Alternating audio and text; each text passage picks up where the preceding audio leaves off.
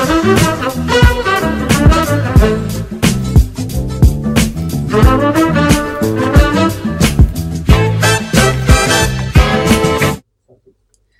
datang di Lini Podcast, ngobrol lebih dekat seputar gaya hidup sehat. Di edisi spesial selama Ramadan ini, kita bakal kenal lebih dekat tentang puasa dan manfaatnya bagi kesehatan. Halo teman sehat, kembali lagi sama saya, Ishraf. Nah, di episode sebelumnya kita udah ngebahas terkait ginjal nih, gimana puasa mempengaruhi kinerja dari ginjal. Nah, di episode kali ini kita akan membahas terkait bagaimana puasa mempengaruhi kinerja otak atau bagaimana puasa meningkatkan kinerja otak. Apakah ada pengaruhnya? Nah, di episode kali ini uh, seperti biasanya kita kita akan ditemani oleh narasumber yang sangat spesial. Beliau merupakan guru besar ilmu gizi FEMA IPB University dan ketua umum Pergizi Pangan Indonesia. Siapa lagi kalau bukan Prof Hardinsyah. Selamat datang Prof. Gimana kabarnya hari ini Prof? Kabar baik. Alhamdulillah. Gimana kabar Israf? Alhamdulillah baik juga Prof. Baik, ya, baik. Nah, di episode sebelumnya kan kita udah bicara tentang ginjal nih Prof. Nah, di Iya. episode kali ini kita akan ngobrol terkait otak. Iya. Di mana otak ini merupakan pusat kendali di mana sangat penting peranannya. Iya. Nah, di masyarakat umum kan otak ini eh, fungsinya dikenalnya berpikir, kemudian mengatur semuanya. Nah, fungsi otak lainnya sebenarnya ada lagi nggak Prof? Apa nih Prof? Kalau boleh tahu. Ya, intinya kan kemampuan untuk menangkap pesan, Ya. kemudian menyimpan pesan, kemudian kalau Ya. diperlukan dikeluarkan lagi eh, pesannya ya. Yang tidak hanya sebenarnya dalam arti pesan yang mendengar suara Ya. atau membaca, tapi apa semua yang dilihat ya. Ada melihat gunung yang indah terekam juga di Oh, ya. memori tersimpan. Kapan-kapan dia ceritakan lagi betapa indahnya gunung yang dilihat. Jadi eh, inti utamanya demikian dan dia kaya sekali akan sel-sel saraf yang mempunyai kemampuan untuk menangkap, menyimpan Menyim- ya, kemudian bisa mengeluarkan kembali. Oh. Karena itu di dalam eh, teori daya ingat itu ada daya ingat sesaat, short term memory, ada daya ingat jangka panjang. Jadi kalau orang telah eh, belajar, kemudian di akhir semester di evaluasi ujian, dia bisa berarti itu termasuk kemampuan daya ingat jangka ingat. panjang. Tapi kalau habis ngajar terus Bapak tanya, Hmm. itu kemampuan memori daya pen, da- Jangka jangka pendek ya. Ketika dia di akhir semester lupa berarti kemampuan daya ingat jangka panjangnya lemah, Lemah. tapi jangka pendeknya oke misalnya gitu ya. Oke. Nah, itu ditentukan oleh tadi kemampuan dan kualitas jumlah dan kualitas saraf kita. Saraf ya. Rimbun apa tidak saraf Hmm. kita? Kalau pohon itu kan kalau misalnya melihat pohon yang di musim panas turun daunnya ya, Ya. musim jatuh daunnya kan tinggal kayak ranting ya. Hmm. Nah itu saraf yang enggak rimbun, yang kurang bagus kualitasnya, kalau dipotret secara eh, elektronik mikroskop itu kayak seperti pohon yang Hmm. eh, apa ya, Ya, yang gugur daunnya gitu ya, Analoginya seperti itu berarti ya, seperti Prof. itu. Berarti org- eh, sel yang paling banyak tuh ada di otak ya, Prof. Ya sel-sel sel- saraf yang sel- berfungsi sel-sel untuk saraf. tadi di otak ya. Oke.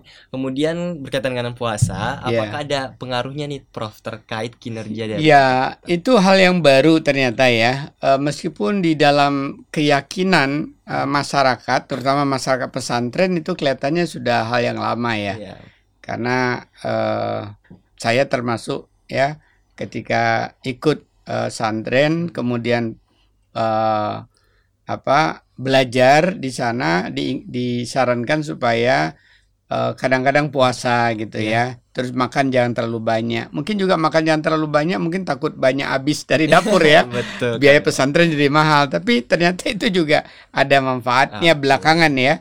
Jadi ada namanya BDNF, Oke. brain brain otak, Hmm. derived neuropathic factor, Oke. faktor Oke. neuropotik yang ada di eh, otak kita ini, yang itu bisa dipicu dengan berbagai cara. Dipicu maksudnya ditingkatkan ya. Kalau BDNF ini meningkat, maka kemampuan daya tangkap, daya simpan dan kembali mengeluarkan pesan tadi jadi bagus Oke. ya mengaktifkan eh, sel-sel saraf sinaps yang ada di eh, otak Di kita.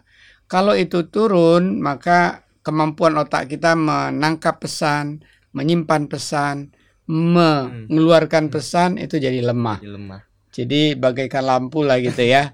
Kalau BDNF kita Eh, tinggi. ya tinggi eh, normal maksudnya maka terang bisa mencerahkan ya artinya kemampuan mengingat Berarti dengan puasa itu bisa meningkatkan BDNF ya, Prof. Ya, puasa ternyata salah satunya.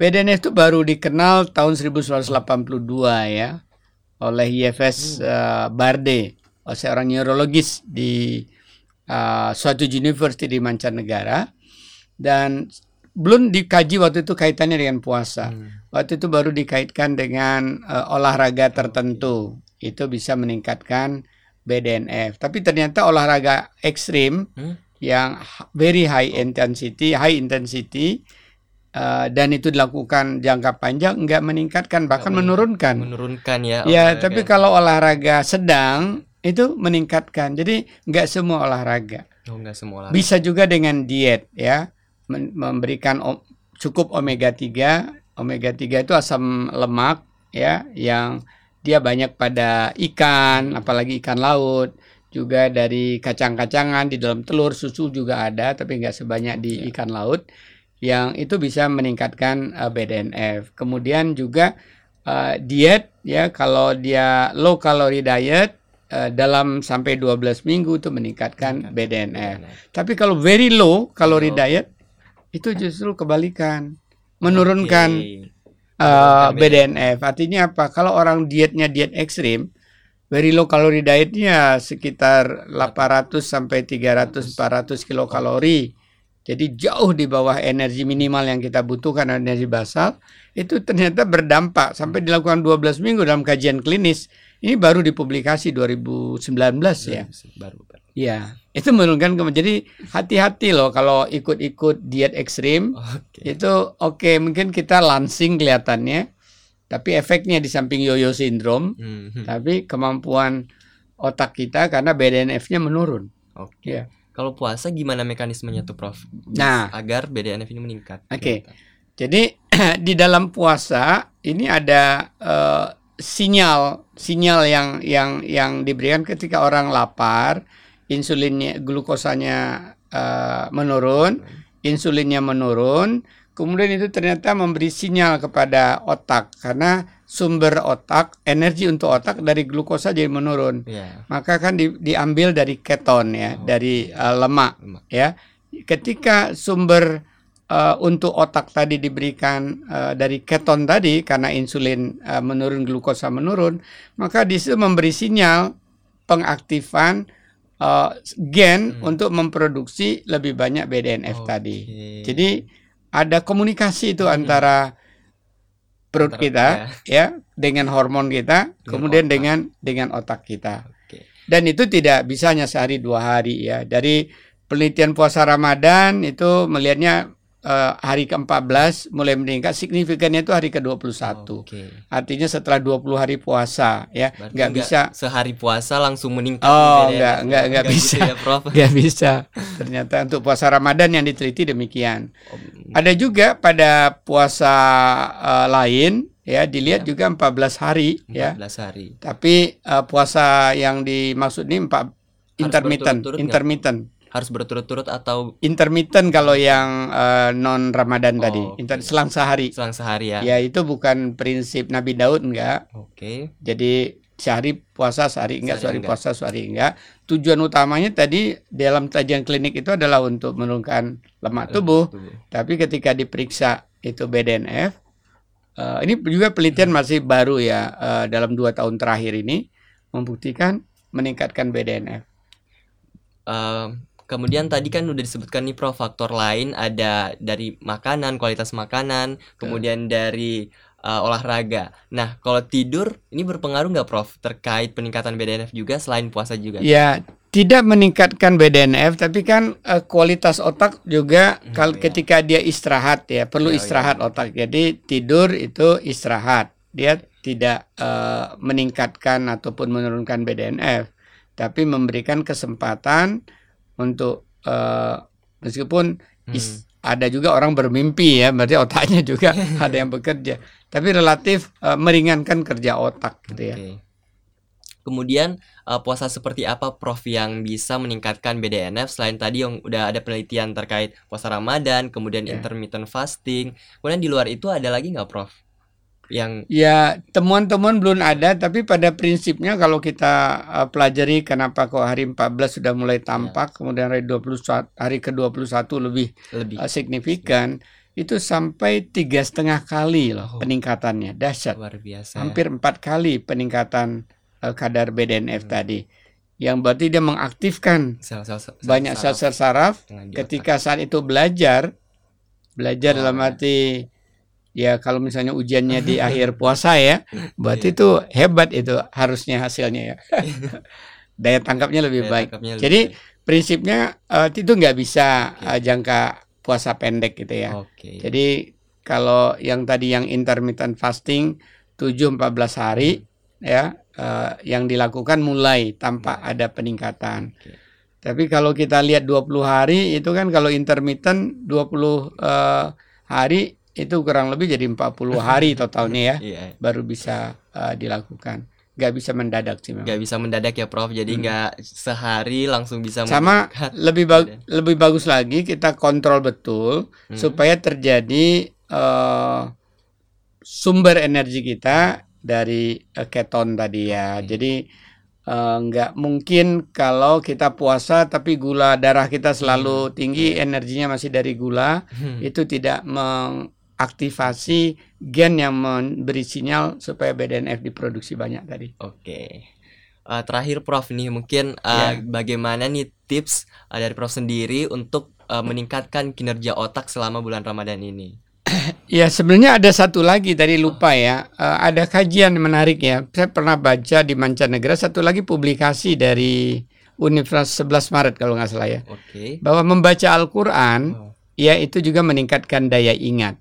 Oke. Nah, cuman mekanismenya Mekanismenya eh, saya nggak tahu bisa jadi itu eh, irama yang eh, terkandung di sana ya karena ketika olahraga salah satunya olahraga yang ada hitungannya, Oh. ada iramanya Oh, ya, iya, iya. seperti aerobik gitu ya. Jadi eh, banyak cara sebenarnya meningkatkan BDF secara spiritual maupun secara non spiritual. Oke, spa- secara spiritual tadi Puasa, puasa, kemudian, kemudian baca ternyata baca Al-Quran. Al-Quran juga. Nah, berarti ketika kita bulan puasa, di samping tadi kita berpuasa, kita turunkan sekitar 500 kilokalori setiap hari, kita rajin baca Al-Quran, kayaknya lebih dahsyat lagi Lebih ya. dahsyat lagi. Tapi Puasa aja penelitian meningkat tiga setengah kali. Belum ada penelitian gabungan belum, ya, Prof. belum ada.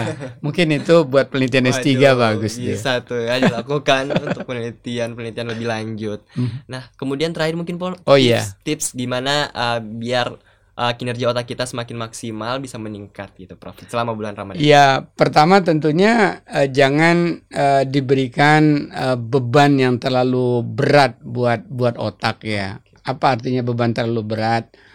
Berpikir sepanjang hari sampai tidak tidur, itu kan berarti memberi beban. Ya, itu yang pertama.